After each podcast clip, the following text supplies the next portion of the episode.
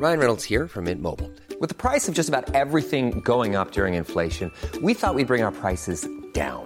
So to help us, we brought in a reverse auctioneer, which is apparently a thing.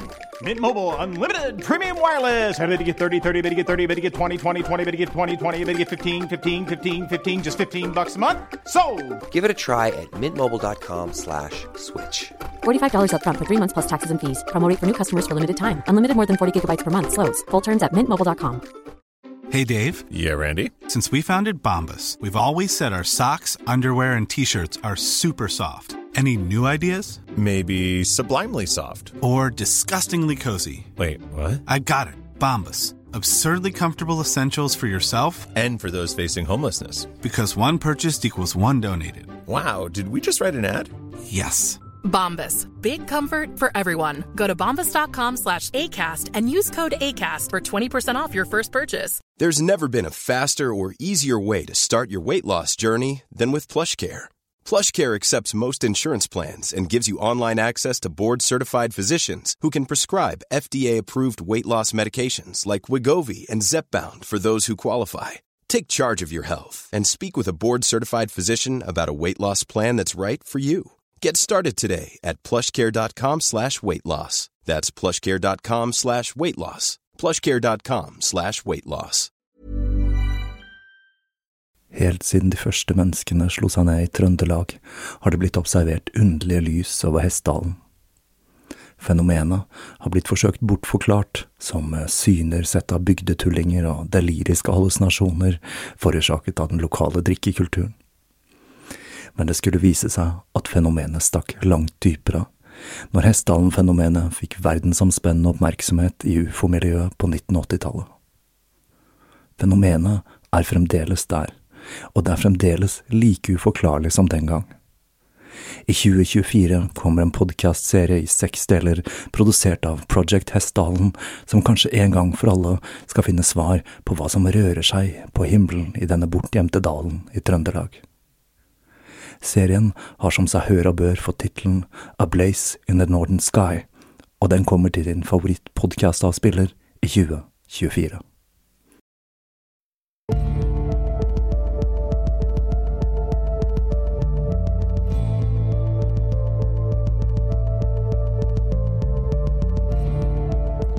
Hei og velkommen til Tåkeprat. Jeg heter Even, og dette er del tre i historien om Elisabeth Batory. Når jeg begynte på denne episoden, så var jeg litt usikker på om det kom til å bli én eller to episoder. Um, jeg bestemte meg derfor å destillere alt ned i én episode, og da har det tatt litt ekstra lang tid å lage denne, og derav forsinkelsen.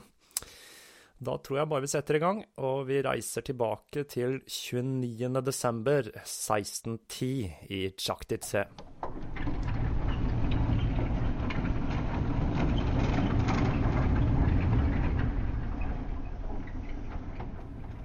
Det var kveld, og store, tunge snøflak danset i den iskalde vinden. Georgi Turso kastet et blikk på de mennene som fulgte han. Grev Nicolaus Rini, grev Georgi Drage de Homonai og Imre Magiari. Bak de fire mennene fulgte en stor gruppe bevæpnede soldater. Georgie hadde håpet å slippe dette, men han var glad det var han, han som hadde sverget sin lojalitet i Ferens Nadasti, som ledet denne gruppen på dette uinviterte kveldsbesøket i grevinnens herskapsbolig ved slottet Tsjaktitse. Han bannet lavt for seg selv og førte mennene inn på gårdsplassen. Like ved inngangen fikk de øye på det de hadde fryktet. I det lette snødrivet så de noe som så ut til å være liket av en ung pike.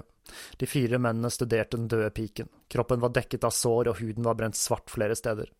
Jenta manglet også flere fingre på den ene hånden. De så på hverandre lyset fra faklene. Et skrik kunne høres fra hovedbygningens indre. De gikk over gårdsplassen og tok seg inn i hovedbygningen.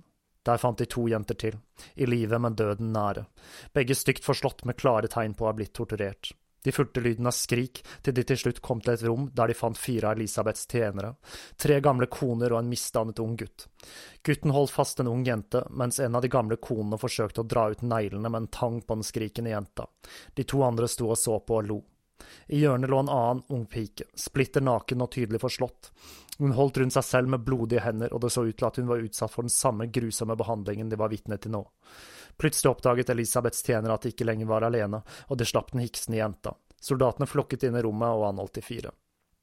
De fire fortsatte innover i bygningen til de kom til Elisabeths private kamera. De kom inn i et halvmørkt rom der den nå 50 år gamle Elisabeth Batori satt bøyd over et pergament og skrev i lyset fra et kandelaber. Hun så på skikkelsen i mørket. Hvem der, hvem våger å forstyrre meg på denne måten, snerret Elisabeth. Hun myste i det svake lyset. Det var statsministeren og hennes to svigersønner. Elisabeth stirret forundret på følget. Enken av Dasti, i kongens navn, de er herved arrestert. Elisabeth brøt ut i hånlatter men latteren stilnet da mennene begynte å nærme seg henne, og ble erstattet av en tirade med forbannelser. Turso grep grevinnen i håret og dro henne tilbake til rommet der de fire tjenerne nå var lagt i lenker. Fengsle disse fire og ta med denne bestialske kvinnen til slottet, kommanderte Turso.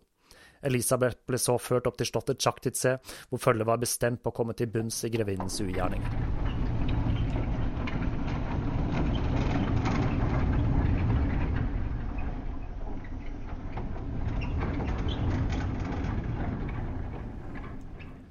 I 1909 får Anna Darvolja, som var blitt beskrevet som drivkraften og læremesteren bak grevinnens torturbande, slag og dør kort tid etterpå. Grevinnen begynner å benytte seg mer og mer av skogheksa Ersi Majorova som veileder og rådgiver, og det virker ikke som hun bodde i Tsjaktitse, men at hun ble sendt bud på når hun trengtes. Det kan virke som Ersi var en viktig del av de hendelsene som førte til grevinnens arrestasjon. Hun mistet stadig mer kontakt med virkeligheten og ble mer og mer opptatt av sin fremskridende alderdom og dødelighet, og hun brukte stadig mer tid på trolldom, inkludert de magiske kakene. Til tross for at grevinnen hadde et utbredt nettverk av jentefangere, både adelige og vanlige mennesker, ble det stadig vanskeligere å få fatt i nye piker. Eh, det var altså da en av hennes nærmeste fikk ideen om å starte pikeskolen. Ryktene begynte raskt å spre seg også blant adelsstanden. Mikael Harvoit, administratoren for Chaktise, uttalte at han daglig hørte lyden av tortur og slag, gråt og skrik fra grevinnens gymnas. Kastellanen ved Tsjaktitse, Mikael Horvat, kunne fortelle at han visste om minst syv jenter som var blitt torturert til døde ved gymnaset, og som var blitt begravet i hagen bak borggården. Men likene var ikke begravet dypt nok, så senere ble de gravd opp av hunder. Det er flere vitneutsagn fra denne perioden. Ikke alle er like troverdige, men de er verdt å nevne. Adelsmannen Janos Belanskis søster begynte ved grevinnens gymnas. Og da han ikke hadde hørt fra henne på en stund, dro han og vennen hans, Nartin Chandi, til grevinnens hoff for å se hvordan det gikk med jenta. Da de ankom, nektet først Elisabeth de to mennene å treffe jenta, men etter en lengre krangel gikk til slutt Elisabeth med på at de kunne få se henne. De to mennene måtte vente i nærmere en time før de fikk møte søsteren til Janos, som var så sterkt preget av tortur at hun knapt klarte å løfte armene. Etter at de to mennene dro derfra, ble jenta slått i hjel. Hvorfor de ikke tok med henne med seg, det, det sies det ikke noe om. Selv slektningene til Elisabeths nærmeste tjenere ble torturert og drept. Niesen til Janos Deso, kastellanen ved Sheretsur, Katja Berenje, hadde blitt tatt opp i grevinnens tjeneste, men ryktene begynte raskt å sirkulere om at jenta ble alvorlig misbrukt. Deso oppsøkte en av grevinnenes nærmeste stab og spurte om å få se niesen sin og lurte på om han kanskje kunne få gi henne noe penger. Han fikk da beskjed om at hvis han ønsket å beholde hodet, så var det best at han ikke gjorde noe, uten at grevinnen hadde kjennskap til det. Da det så fant ut at grevinnen planla en tur til Tsjaktitse og hadde planer om å ta, ta med seg niesen, så han sitt snitt til å snakke med grevinnen. Mens hestene ble spent for vognen, spurte han Elisabeth. Deres nåde, jeg skulle så gjerne si farvel til min niese før dere drar, og kanskje gi henne litt penger. Det kan du definitivt ikke, svarte grevinnen, men hvis du ønsker å se henne, kan du få se henne når hun stiger inn i vognen. Da fikk Deso øye på niesen sin, hun sto livredd og gråtende sammen med grevinnens følge. Deres nåde ba Deso, ikke ta henne med deg, hun kan, tjene, hun kan ikke tjene deg godt, la henne bli igjen. Grevinnen stirret på Deso med iskaldt blikk. Jeg kommer aldri til å gi henne fra meg, hun har allerede rømt fra meg tre ganger, og for det skal hun dø, sa grevinnen. Deso så på mens vognen med grevinnens følge kjørte bort fra borggården. Kata ble slått i hjel på vei til Tsjaktitse. Det er på denne tiden grevinnen begynner å bli slepphendt. Tidligere hadde hun klart å begrense torturen og dødsårsakene til pikene til rykter, men ikke nå lenger. Grevinnens jenter ble stadig sett i offentlighet og bar tydelig preg av mishandling. Gule, blå, forbrente og utsultet. Vitner kunne fortelle om jenter dekket av blødende sår, som ble lenket fast, som var forslåtte til det ugjenkjennelige, jenter med knuste lemmer og jenter som var brennmerket. En pike klarte til og med å rømme fra mishandlingen og flykte til landsbyen med en kniv stikkende ut av foten.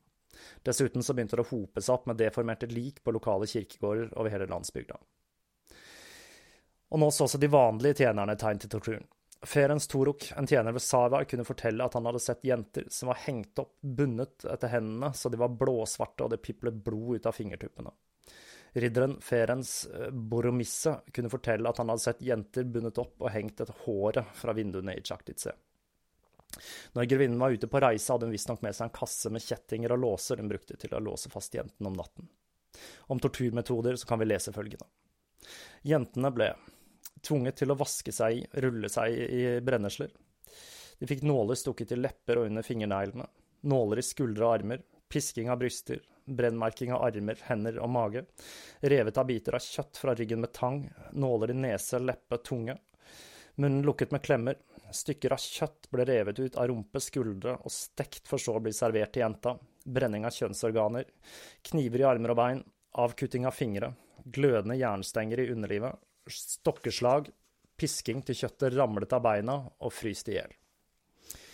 I løpet av en periode på noen få uker var samtlige jenter ved gymnaset døde, og nå hadde Elisabeth en ny forklaring på hva som hadde skjedd. Denne gangen kunne hun fortelle at en av jentene hadde drept alle de andre for å stjele smykkene deres, og at jenta senere begikk selvmord da hun ble oppdaget. Denne gangen hadde grevinnen gått for langt, og både kongen og statsministerens hoff hadde fått nyss om at adelige jenter var blitt myrdet av grevinnen. De hadde nå det de trengte for å iverksette en etterforskning. I 1610 begynte tiden å renne ut for grevinnen, og ironisk nok skulle verken være konge eller keiser som skulle avgjøre skjebnen hennes, men Georgi Turso, han som tidligere hadde sverget å beskytte grevinnen til Ferenc Nadasti. I 1909 ble Turso Palentine i Ungarn, den samme stillingen som ferens far Tamas tidligere hadde holdt, kun utrangert av kongen. Turso var kjent for sin evne til diplomati, en egenskap han ble fått testet til de ytterste i de kommende måneder. I februar hadde ryktene om grevinnens ugjerninger nådd Turso og kong eh, Mathias, og den første rapporten de mottok, kom fra en pensjonert prest i Chaktice, den da 90 år gamle pastor Andreas, ba Andreas Barosius. Han var bekymret over grevinnens merkelige og hyppige forespørsler om begravelser, og hadde begynt å loggføre likene han hadde begravet for grevinnen. Dette var en situasjon ikke ulik den grevinnen hadde i Sarvar med pastor Magiari, men denne gangen hadde hun ikke Ferens til å beskytte seg og Andreas var ikke den eneste. Flere i presteskapet hadde begynt å nekte å begrave de døde pikene, og grevinnen så seg nødt til å få tjenerne til å begrave likene, men noe blandet resultat. Andreas hadde også forsøkt å begrave, uh, nekte å begrave de døde pikene, men han hadde da blitt truet av grevinnen, så han valgte istedenfor å loggføre uh, de han hadde begravet. Han kunne bl.a. fortelle at han hadde gravlagt hele ni unge piker på en og samme dag. Andreas sin etterfølger, pastor Janus Ponjekinus, Eh, ble fortalt om hva som foregikk ved Tsjaktidze. Og da han overtok presteskapet, bestemte han seg for å undersøke et rykte om at grevinnen hadde skjult lik i katakombene under slottet. Der fant han de stinkende likene av ni råtne og mishandlede piker. Han fikk sendt et brev med Andreas sin liste til kong eh, Mathias og Giorgio Turso, og det var Turso som fikk i oppdrag å gjennomføre en etterforskning i kongens navn. Georgie Turso og grevinnen var svært nære venner. Uh, de omtalte hverandre som fetter og kusine i brevene de utvekslet. Uh, det er noe som minner meg litt om Hvis man har sett kinesisk film, så er det veldig mye bruk av fetter og kusine blant nære venner. Uh, de var i bryllupene til hverandres barn, og grevinnen var en nær venn av Tursos kone, Ersebet Sobor, som også skal ha en litt artig rolle mot slutten av historien her. Turso var i en svært vanskelig situasjon. I tillegg til løftet til Ferens og det nære vennskapet til Elisabeth, var han klar over at kongehuset ønsket å få gjelden til Batori-familien slettet, noe kongen kunne oppnå ved å få henne dømt i en rettssak. Vi vet fra korrespondansen med Elisabeths svigersønn at Georgie helst ville få sendt Elisabeth til et kloster hvor hun kunne tilbringe resten av livet sitt i fred og ro. Det er vanskelig å vite helt hvordan Turso jobbet i forhold til grevinnen, men det er klart at han kjempet for å beholde Batori-familiens eiendom og formue ut av hendene til kongen og kirken. Det er til og med spekulert i om de to hadde et romantisk forhold. Men han vitnet også i den senere rettssaken, hvor han omtaler henne som et villdyr, bestialsk, fordømt, blodig, gudløs og forbannet. Og det var vel ikke spesielt romantisk. Um, samtidig så vet vi at uh, Turso så på Habsburg-familien som det eneste reelle forsvaret mot ottomanerne, mens Transylvania og Elisabeths familie hadde en slags uavhengighet og skiftet lojalitet slik som det passet dem selv. Elisabeth uttalte flere ganger at hun støttet sine transylvanske slektninger dersom det skulle bli krig. I januar 1610 uh, giftet Elisabeth bort sin yngste datter Katalin til lord Georgi Druge di Hamonai. Katt var Elisabeths favorittbarn og skulle være en viktig person i Elisabeths eh, siste år. Grevinnen og katt uh, skal sammen ha torturert to jenter til døde mens bryllupet til uh, Katalin pågikk. Um, tortursesjonen skulle ha endt med at to jenter fikk stukket glødende metallstenger opp i underlivet og ble brent. De brente likene ble fraktet ut og gravlagt mens bryllupet pågikk, til tjenerskapets store forskrekkelse. I februar 1610 igangsetter Georgi Turso prosessen med avhøre vitner notar Andreas uh, av Kerstemur og dommer Moses Siraki får i oppdrag å oppdrive vitneutsagn om grevinnens aktiviteter. Og fra mars til juli forhører de de to 50 bønder i nærliggende landsbyer. Men stort sett var dette historier, bare hairsay altså, med noen uh, få hederlige unntak. Som kastellan Bendikt Bisheri ved Sarvar, som hadde tett likene av 175 jenter som ble fraktet ut av Sarvar. Ferenk Torok, som hadde sett jenter som var bundet så blodet piplet ut fra fingrene. Og Istavan Vagi, som kjente til grevinnens bruk av magi. Men dette var langt fra nok til å igangsette en rettssak mot en kvinne av Elisabeths betydning. Elisabeth er klar over at hun er under etterforskning, og 24.8.1610 dukker hun opp på hoffet i Eisenburg med moren til Shoshana Harna, en av jentene som hadde dødd i Elisabeths tjeneste. Hun hevder da at datteren hadde dødd av naturlige årsaker, og hvorvidt dette stemmer, eller om hun var bestukket, det vet vi ikke, men dette hadde veldig liten betydning for den videre etterforskningen. Grevinnen innser dette, og 3.9.1610 skriver hun et testamente hvor hun etterlater all sin eiendom til de fire barna sine. Vi kan gå ut ifra at Elisabeth på dette tidspunktet mottok juridisk hjelp for å beskytte familieformuen mot kongen. En måned etter dette drar hun til Sarvar, hvor hun henter alle verdigjenstandene sine og tar med seg disse til Tsjaktitse, som nå var hennes offisielle hovedsete. I denne perioden surner forholdet mellom Turso og grevinnen, og det er nå han inngår en allianse med grevinnens svigersønn, hvor de planlegger å sende Elisabeth i kloster. Men han må fremdeles være sikker i sin sak, og like før julen 1610 eh, drar Turso personlig til Chaktice for å snakke med grevinnen. Han tar bl.a. med seg pastor Andreas sin liste over piker som var døde i grevinnens tjeneste. Det er én ting som er sikkert uh, når det gjelder Elisabeth Batori. Hun hadde en nærmest hypnotisk sjarm og kunne fortelle en løgn med et smil og en sjarmerende latter. Offentlig var hun en perfekt adelskvinne, stoisk og intelligent. Hun var elega ja, elegant og velartikulert, og beskyldningene mot henne ga derfor ingen mening. Turso ville eh, uten tvil se med egne øyne om det var noe sannhet i de avskyelige beskyldningene mot grevinnen. Da Turso kom til Tsjaktitse, ble han servert te og kaker, og ble forsikret av den sjarmerende og rolige Elisabeth at det hele var oppspinn. Pastor Andreas var en gammel og forvirret mann, og jentene hadde dødd av en epidemi og ble derfor raskt begravet for å forhindre panikk, akkurat som Isar var. Og adelsjentene, ja, de hadde kranglet om smykker, det var akkurat som hun hadde fortalt tidligere. Turso ble tydelig sjarmert av grevinnen, for han forlot Tsjaktitse uten å forfølge saken videre. Som vanlig så ble møtet med Turso etterfulgt av grevinnens raserianfall, og flere piker måtte bøte med livet. Og tjenerne, som eh, nå hadde fått jobben med å begrave likene, bestemte seg denne gangen for å kaste likene av eh, fire drepte piker over borgveggen uh, i Chaktitze, uh, i håp om at ulvene skulle spise dem opp. Dette var da ikke spesielt lurt, for dette ble sett av landsbyboerne, og det pisket da stemningen opp ytterligere. Turso sendte beskjed om at han ville komme på enda et besøk, denne gangen med kong Mathias og Imre Magiari. Det var eh, Paul, Elisabeths sønns læremester fra Sarvar. Elisabeth oppsøkte da skogheksa Ersi Majorova og fikk henne til å lage enda en grå kringle. Og før besøket satt hun en time foran kaka og sa besvergelser som skulle gjøre henne usynlig og beskytte henne mot fiender. Etter middagen fikk de tre gjestene servert Elisabeths kake til dessert.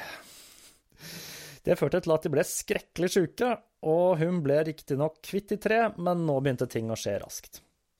Imre anmeldte grevinnen til det ungarske parlamentet og anklaget henne for drap på tjenestepiker ved Sarvar. Og nå røyk Tursos plan om å sende grevinnen i kloster. Hey, I'm Ryan Reynolds. Recently, I asked Mint Mobile's legal team if big wireless companies are allowed to raise prices due to inflation. They said yes. And then when I asked if raising prices technically violates those onerous two-year contracts, they said, "What the f*** are you talking about? You insane Hollywood ass." So to recap, we're cutting the price of Mint Unlimited from $30 a month to just $15 a month. Give it a try at mintmobile.com slash switch. $45 up front for three months plus taxes and fees. Promo for new customers for limited time. Unlimited more than 40 gigabytes per month. Slows. Full terms at mintmobile.com. How would you like to look five years younger? In a clinical study, people that had volume added with Juvederm Voluma XC in the cheeks perceived themselves as looking five years younger at six months after treatment. Look younger, feel like you. Add volume for lift and contour in the cheeks with Juvederm Voluma XC. Reverse signs of aging by adding volume to smooth laugh lines with Juvederm Volure XC.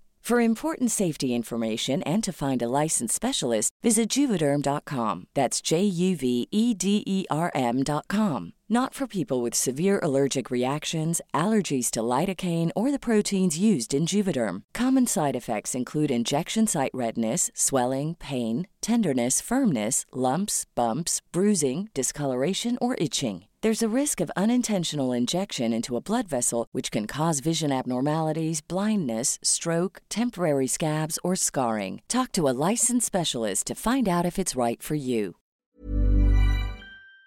29. desember 1610 ankommer Georgi Turso, grev Nicolaos Rini, grev Georgi Drege di Harmonai, Imre Magyari og en håndfull soldater Tsjaktitse.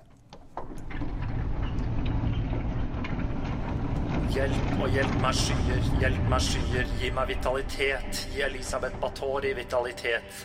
Skyer, send 90 katter, jeg befaler deg, kattenes herre, at du hører min befaling og sender dem, fra hvor enn de er, om de er på denne siden av fjellet eller den andre, bortenfor vann, bortenfor hav, at disse 90 katter som kommer til deg, og fra deg går rett i hjertet på kong Mathias og i hjertet på Turso. På samme måte skal de tygge i stykker hjertet til den røde Magiari og hjertet til Moses Shakai, så Elisabeth Bathori ikke volde skade ved den hellige treenighet. La det skje. Etter å ha ransaket Elisabeths slott og avdekket enda flere lik av jenter som bar preg av kraftig tortur Her er det en hel haug, litt for mye å ta med her. Hevdet Elisabeth fremdeles sin uskyld. Dagen etter ble de fire medsammensvorne sendt til Bytka, hvor de skulle bli torturert for å tvinge fram tilståelser, og grevinnen ble sendt til fengselet i Tsjaktitse i slottets kjeller. Mens Elisabeth sitter her, får hun besøk av presteskapet, som skulle trøste henne med bønn og støtte. Kort fortalt så satte ikke grevinnen særlig pris på denne støtten, og hun skjeller ut prestene i en tirade hvor hun beskylder dem for å stå bak en sammensvergelse mot henne. Hun truer med å drepe hele gjengen ved hjelp av sine slektninger i Transylvania, og siden grevinnen fremdeles hadde mulighet til å sende brev, her var det ikke noe brev- og besøksforbud akkurat, så satt hun en skikkelig støkk i prestene. Hun hevder igjen sin uskyld, og hun sa at hun hadde vært som en mor for staben sin, at hun aldri ville tilstå slike ugjerninger, selv under tortur. Videre så hevdet hun at det var de fire som var sendt til Bytka som sto bak det hele, og at hun ikke hadde turt å gripe inn fordi hun var redd. Bytka var i 1610 en del av Ungarn, og det ligger i dag i det nordvestlige Slovakia. Det var et middelalderslott som var pusset opp i renessansestil og gjensperret mye av eh, samtiden på samme måte som Tsar var. Etter korstogene om inkvisisjonen var det tortur som var den vanligste måten å drive fram tilståelse fra den tiltalte. Du var skyldig til det motsatte var bevist. Eh, det finnes ingen beskrivelse av hvilke torturformer som ble brukt på de fire tiltalte, men vi kan vel tenke oss hva som foregikk i torturkamrene på den tiden. Så tilståelsen til de fire den er tvunget fram med tortur. Det fins to transkripter av uh, rettssaken, og de ble funnet forseglet 200 år senere. Og den ene fins per i dag i uh, Erdodi-arkivet i Galgok i Slovakia, og det andre manuskriptet er i Nasjonalarkivet i Budapest. De to manuskriptene avviker litt fra hverandre. Rettssaken ble holdt i to deler. I den første delen ble de fire medsammensvorne forhørt, og i den andre delen ble det forhørt vitner som vitnet om grevinnens deltakelse. Hun var altså selv ikke til stede i rettssaken. De fire medsammensvorne la mye av skylden på den nå avdøde Anna Darvolja, men også på hverandre. Og det kom fram at de langt fra handlet alene, og at det hadde vært en rekke samarbeidspartnere som skaffet dem jenter mot en pen finnerlønn. Det må ha vært en klekkelig sum, fordi det var mange som solgte dem sine egne døtre. Det var til og med en mor som hadde solgt sin andre datter etter den første var dødd i grevinnens tjeneste. Det kommer også fram at det var mange ved hoffet som kjente til hva som foregikk. Tallet på drepte jenter varierer også litt eh, mellom de fire. Uh, Fisko uh, sa 37. Ilona Jo uh, 51. Dorka 36. Og Katalin havnet på 50. En annen uh, raritet som dukker opp i denne rettssaken, er at Fisko snakker om en person som ikke blir nevnt noen andre steder. Uh, det er en person som skal ha hett Stefan, og som hadde kallenavnet Jernhode. Han skal ha deltatt i torturen, og like før arrestasjonen så skal han ha flyktet til uh, Transilvania. Dette er mest sannsynlig noe Fisko fant på, men det er fremdeles et litt artig fun fact, da. I den andre rettssaken, hvor det ble vitnet mot grevinnen, var det 18 dommere og et panel av 13 vitner. I denne rettssaken så er det stort sett bare de samme fortellingene jeg har fortalt uh, tidligere, bare fra forskjellige vitner. Uh, men det er et par ting her som er interessant. Uh, vi har Sara Baranay, enken til Perer Martini. Hun kunne si med sikkerhet at grevinnen hadde myrdet 80 piker i løpet av de siste fire årene, og det er et tall som går igjen flere steder. Ilona, enke av Kotsis, hun bekreftet at grevinnen hadde drept mer enn 30 i løpet av de siste tre årene, og, hadde også sett da den magiske, okkulte praksisen til, til grevinnen. Men mot slutten av rettssaken så kommer noe som virkelig er spennende. Da kommer nemlig et overraskelsesvitne fra aktoratet, det er en tjenestepike ved navn Shushanna. Hun hevder å ha sett en logg som var ført av grevinnen, hvor eh, tallet på drepte piker er 650. Og det er dette tallet som gjør at eh, Elisabeth Bathory er eh, oppført som verdens verste kvinnelige seriemorder i Guinness rekordbok. Spørsmålet er om dette var et triks fra aktoratet, og det det var vel mest trolig det, men det som er litt spesielt, er at dette dokumentet eksisterer den dag i dag, og er i Nasjonalarkivet i Budapest, men det er dessverre uleselig. Uh, så vi finner nok aldri ut om dette var uh, virkelig eller ikke. Etter rettssaken så blir uh, dommen lest opp i offentlighet, og den straffen skulle utføres umiddelbart. Dokumentet var signert av de 18 magistratene og overlevert til Hans Eksellense Palentine 7.1.1911, og her er de siste paragrafene i dommen. Etter hva vi har hørt og vurdert, har vi kommet til følgende konklusjon. Den følgende dommen er gitt de tiltalte og vil herved proklameres. Etter tilståelsen til de tiltalte, enten gitt frivillig eller med tortur, så vel som det som har kommet fram fra vitner om de tiltaltes forbrytelser, og dette er forbrytelser som overgår alle tenkelige innmanende grusomheter, bestående av flere drap, henrettelse og tortur. Slike grusomheter krever grusom straff. Ilona og Doriotta, som eh, hovedansvarlige redskap i slike alvorlige pågående vederstyggeligheter begått mot kristent blod, skal få fingrene på begge hendene trukket ut av bøddelen, for deretter å bli henrettet og brent. Janos uh, Fischko, på grunn av sin lave alder, og som jeg tidligere har nevnt, så er nok det fordi han var tilbakestående, og færre forbrytelser vil få en lavere straff. Han skal halshugges og så brennes. Nei, det er lavere straff. Uh, den siste, Katalin, vil bli fengslet fram til det foreligger klarere bevis for hennes deltakelse. De tre dømte ble ført ut til rettestedet hvor en menneskemengde hadde samlet seg for å se på henrettelsen. Et stort bål var gjort klart, og bøddelen sto klar med øks og glødende tenger. Ilona Jo var først ut. Hun ble holdt fast mens bøddelen vred av den første fingeren, og etter den fjerde fingeren besvimte hun, ble halshugget og kastet på bålet. Så var det Dorotia sin tur. Samme prosess og på bålet. Og til slutt fikk Fisko smake øksa og ble kastet på bålet sammen med de to andre. Og som jeg har nevnt tidligere, så var dette en periode hvor det var relativt fritt fram for uh, hekseri og kloke koner. Men Ersi Majorova, hun som sto bak de grå kakene til Elisabeth, hun ble brent på bålet som heks litt senere den samme måneden. Uh, vi vet ikke hva som skjedde med Katalin eh, Beneski, uh, men det kan tyde på at det ikke var flere beviser mot henne, og at hun senere slapp fri, faktisk. Under rettssaken hadde Georgie Tuso vitnet at han hadde tatt Elisabeth i ugjerningen da følget ankom Tsjaktitse, men han nektet allikevel å la henne bli forhørt personlig. Han hevdet overfor kongen at dette var for å beskytte navnet til Nadasti-familien. Elisabeth på sin side ønsket å vitne for sin egen uskyld, men Turso nektet henne dette, og beskyldte ham for ikke forsvare hennes ære. og hun anklaget Turso for å holde henne ulovlig i arrest. Man kan spekulere i om Turso faktisk hadde tatt henne på fersken i ugjerningen, eller om han fremdeles var i tvil om hun var skyldig. Elisabeth fortsetter å rase mot Turso, og forsøker å arrangere et fluktforsøk med hjelp av sin fetter Gabor i Transylvania. Til slutt brister det for Turso, og han kommer med sin egen dom over Elisabeth.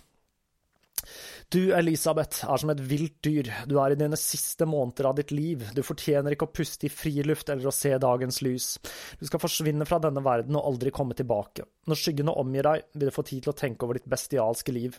Jeg dømmer deg herved, frua Tsjaktitse, til livslang fengsling i ditt eget slott. Turso og familien håpet at med henrettelsen av de medsammensvorne, og med grevinnen dømt til livsvarig fengsling, så ville saken være ute av verden. Men kong Mathias eh, hadde andre planer, så lenge han hadde utestående gjeld til grevinnen. Hans representanter insisterte på enda en rettssak, og denne gangen mot grevinnen personlig. Kongen var sikker på at dersom Elisabeth ble idømt dødsstraff, så ville han overta all eiendommen hennes, og all gjeld ville bli slettet. Han sendte et brev til Turso der han forlangte at Turso selv skulle forhøre grevinnen Tsjaktitse så raskt som mulig.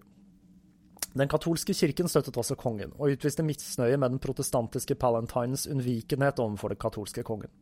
Det er mulig at kongen faktisk følte moralsk avsky overfor Elisabeth, men det lå et teppe av politikk bak det hele. Dette var like før 30-årskrigen, som varte fra 1618 til 1648 og var mellom katolikker og protestanter, og det ulmet mellom de to fraksjonene. Mathias, som katolikk, ønsket en gjenforening av det katolske Vest-Ungarn med det protestantiske nord og øst. Habsburg-familien var også katolske, og slaktet protestantiske rebeller i Østerrike. Dersom Mathias spilte kortene sine riktig, kunne han bli den neste keiseren, og om han klarte å slå klørne i den enorme Batori-familieformuen, ville han få en stjerne i boka hos kirken og Habsburg-familien. Turso visste at dersom kongen overtok uh, Batori-familiens eiendom, ville han være den neste på listen. Turso igangsatte en kampanje for å forhindre at uh, det skulle bli torturert fram en tilståelse av grevinnen, noe som ville være svært nedverdigende for en kvinne av hennes status. Dette ville også sverte ettermælet til Nadasti-familien og folkehelten Ferens. Han fikk en rekke velstående adelsfamilier til å skrive til Mathias og be om at dommen om livsvarig fengsling skulle opprettholdes. Og da Elisabeths sønn Paul skrev til kongen, kom det fram at Elisabeth allerede hadde skrevet et testamente, slik at kongen ikke ville overta Elisabeths formue dersom hun skulle bli henrettet. 31.3.1611 skrev dommerne, dommerne Tamas uh, Viskeleti og Ferenc Lerent et brev til kongen underskrevet av sekretariatet til Det kongelige hus og juridiske råd til kongen, der de fraråder en ny rettssak. Men til tross for dette så bestemmer kongen seg for å åpne en ny rettssak. Uh, han tilkaller notar Andreas av Kretsur uh, for å finne flere vitner mot grevinnen, uh, inkludert administratorer fra eiendommene hennes, bl.a. fra Bekkov, Kostolani, Tsjaktitse og Vrobve. Rapporten inneholdt 224 vitneutsagn, men det skulle vise seg at det var langt fra det kongen ønsket. Sannheten var nemlig at grevinnen var langt fra alene i sine ugjerninger. Det var eh, en rekke adelspersoner involvert i anskaffelsen av jentene. Og de var også med på torturen og på å skjule det hele. Og ikke bare det. Ferenc Nadasti var en nøkkelperson i det hele, og det var han som lærte Elisabeth de bisarre torturlekene, og han var generelt en svært brutal og fæl fyr. Og Mathias eh, kaller inn enda tolv vitner, og de bekrefter at dette stemmer. Um, dette var uh, ikke bare grevinnen, men det var rett og slett en hel bande. Og en rekke betydningsfulle adelige personer var uh, involvert. Og da innser kongen at uh, han kan ikke forfølge dette videre. Og da kommer Turso med forslag. I tillegg til den originale dommen, som da er perpitus carceribus, altså evig fengsling, skulle Elisabeth skrives ut av historien. All gjeld til kronen skulle slettes, og en liten del av eiendommen hennes skulle overføres til Mathias. Kongen godtok avtalen, og grevinnens skjebne var forseglet. Ferenc Nadasti skulle forbli en helt, og Elisabeth skulle gjemmes vekk for all tid. Like etter dette ankom murerne Tsjaktitse. Ifølge legenden ble hun murt inn i tårnet til borgen, men hun kan også ha blitt murt inn i kjelleren eller en annen del av slottet. Dette vet vi ikke. Men det vi vet, er at hun ble murt inne, med kun en liten åpning hvor man kunne sende inn mat og forsyninger, og hun kunne sende ut ekskrementer. I de første månedene etter at hun ble innesperret, fikk hun en del besøk. Datteren Katarin kom med stearinlys, blekk, pergament og mat. Svigersønnene, grev Drugge Homonai og Shrini, som nå hadde overtatt ansvaret for eiendommene hennes, var der noen ganger, og Georgi Tursos kone, Ershebet Chobor, hun var der veldig ofte, litt for ofte faktisk, for hun plyndret slottet systematisk for verdigjenstander. Det var så ille at grev Sigmund Forgac skrev et brev på vegne av Høyesterett til Georgi Turso for å få slutt på plyndringen. Men sakte og sikkert sluttet folk å komme, og grevinnen ble glemt. Hun fortsatte å skrive brev og hevdet sin uskyld. Hun hadde nok mat og vann, og skulle leve i to og et halvt år bak muren i Tsjaktitse. Søndag 21. august 1614 roper Elisabeth på vakten. Kjenn så kalde hendene mine er. Vakten sa at dette var ingenting å bry seg av, og Elisabeth gikk tilbake inn i cellen sin og begynte å synge med vakker stemme. Hun ble funnet død dagen etter. Ingen vet hvor hun ble gravlagt.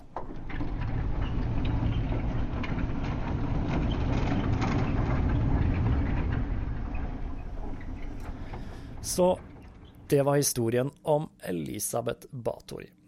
Og virkelighetens grevinne var nok langt fra så romantisk som eh, den vi har sett skildret i folkeeventyr og i populær kultur. Men det er fremdeles mange spørsmål vi aldri vil få svar på her. Bl.a. blant annet eh, hvor mange som faktisk ble drept i løpet av grevinnens liv. Mm, tallet varierer jo veldig, fra null og at det hele var en konspirasjon mot Batori-familien, noe som ikke er spesielt sannsynlig, med all den dokumentasjonen vi har, til 650, sånn som Shushanna hevder å ha sett på denne listen eh, som hun vitnet om i rettssaken, og som heller ikke er spesielt sannsynlig. Så jeg vil vel tippe at tallet er et sted midt på treet, og at vi snakker om flere hundre, uh, i hvert fall. I tillegg så sitter jeg med en sterk følelse av at Elisabeth var eh, alvorlig syk. Hun hadde jo disse epileptiske anfallene og raserianfallene sine, og dette var en familiesykdom i Batori-familien. Det hjalp nok heller ikke at hun ble gift som 14-åring med Ferenc Nadasti, som mest sannsynlig var psykopat, og vi kan vel gå ut ifra at han misbrukte Elisabeth når han var hjemme. Og den store familieaktiviteten der i gården, det var jo tortur. Dette gjorde nok heller ikke Elisabeth eh, noe særlig bedre. I tillegg så har vi det seksualsadistiske perspektivet. Uh, Elisabeth har ofte blitt omtalt som lesbisk og en slags kvinnelig gilderé, altså en kvinnelig pederast. Jeg vet ikke om det finnes noe godt ord for kvinnelig pederasti, men det er vel det som antydes, da. I tillegg til det så var vel unge jenter eh, et enkelt offer på den tida. De eh, var da fysisk svake, lette å kidnappe og torturere. Og eh, de hadde lav sosial status. Så dette har uansett vært en fryktelig spennende og interessant historie. Den kunne vært skrevet av George R. R. Martin selv. Står ikke til side for det. Og jeg er ganske sikker på at uh, denne legenden vil uh, leve i mange, mange generasjoner framover. Det er tross alt uh, kun 400 år siden dette skjedde. Det er en liten tankevekker. Og fram til neste episode så gjenstår det bare å si ha det bra.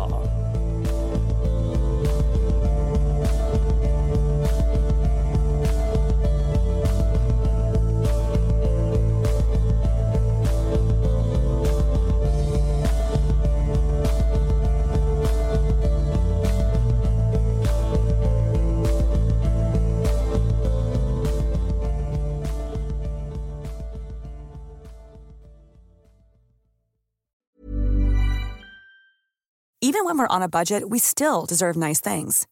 Quince is a place to scoop up stunning high-end goods for 50 to 80% less than similar brands. They have buttery soft cashmere sweaters starting at $50, luxurious Italian leather bags, and so much more. Plus, Quince only works with factories that use safe, ethical, and responsible manufacturing. Get the high-end goods you'll love without the high price tag with Quince. Go to quince.com/style for free shipping and 365-day returns. When you make decisions for your company, you look for the no-brainers. And if you have a lot of mailing to do, stamps.com is the ultimate no-brainer. It streamlines your processes to make your business more efficient, which makes you less busy. Mail checks, invoices, legal documents, and everything you need to keep your business running with Stamps.com. Seamlessly connect with every major marketplace and shopping cart. Schedule package pickups and see your cheapest and fastest shipping options from different carriers with rates up to 89% off USPS and UPS rates. And with the Stamps.com mobile app, you can take care of mailing and shipping wherever you are. Make the same no-brainer decision as over 1 million other businesses with Stamps.com. Sign up with code PROGRAM for a four-week trial, plus free postage and a free digital scale. No long-term commitments or contracts. That's Stamps.com. Code PROGRAM.